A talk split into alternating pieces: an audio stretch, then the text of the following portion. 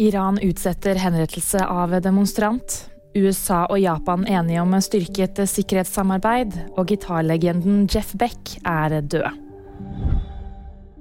Det iranske rettsvesenet har satt henrettelsen av en demonstrant som skal ha deltatt i protester mot regjeringen, på vent. Det melder lokale medier. Dette skjer kun dager etter at mange mennesker samlet seg utenfor fengselet og demonstrerte mot den planlagte henrettelsen. Ifølge menneskerettighetsorganisasjonen Amnesty risikerer minst 26 demonstranter dødsstraff i Iran. USA og Japan kunngjorde onsdag at de skal styrke sikkerhetssamarbeidet. Bakgrunnen er bekymringer rundt Kinas militærøvelser utenfor Taiwan, skriver Reuters. Taiwan har i dag en egen demokratisk valgt regjering.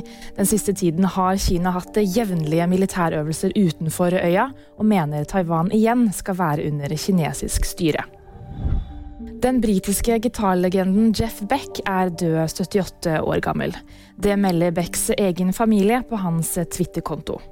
Ifølge innlegget døde artisten av bakteriell hjernehinnebetennelse tirsdag.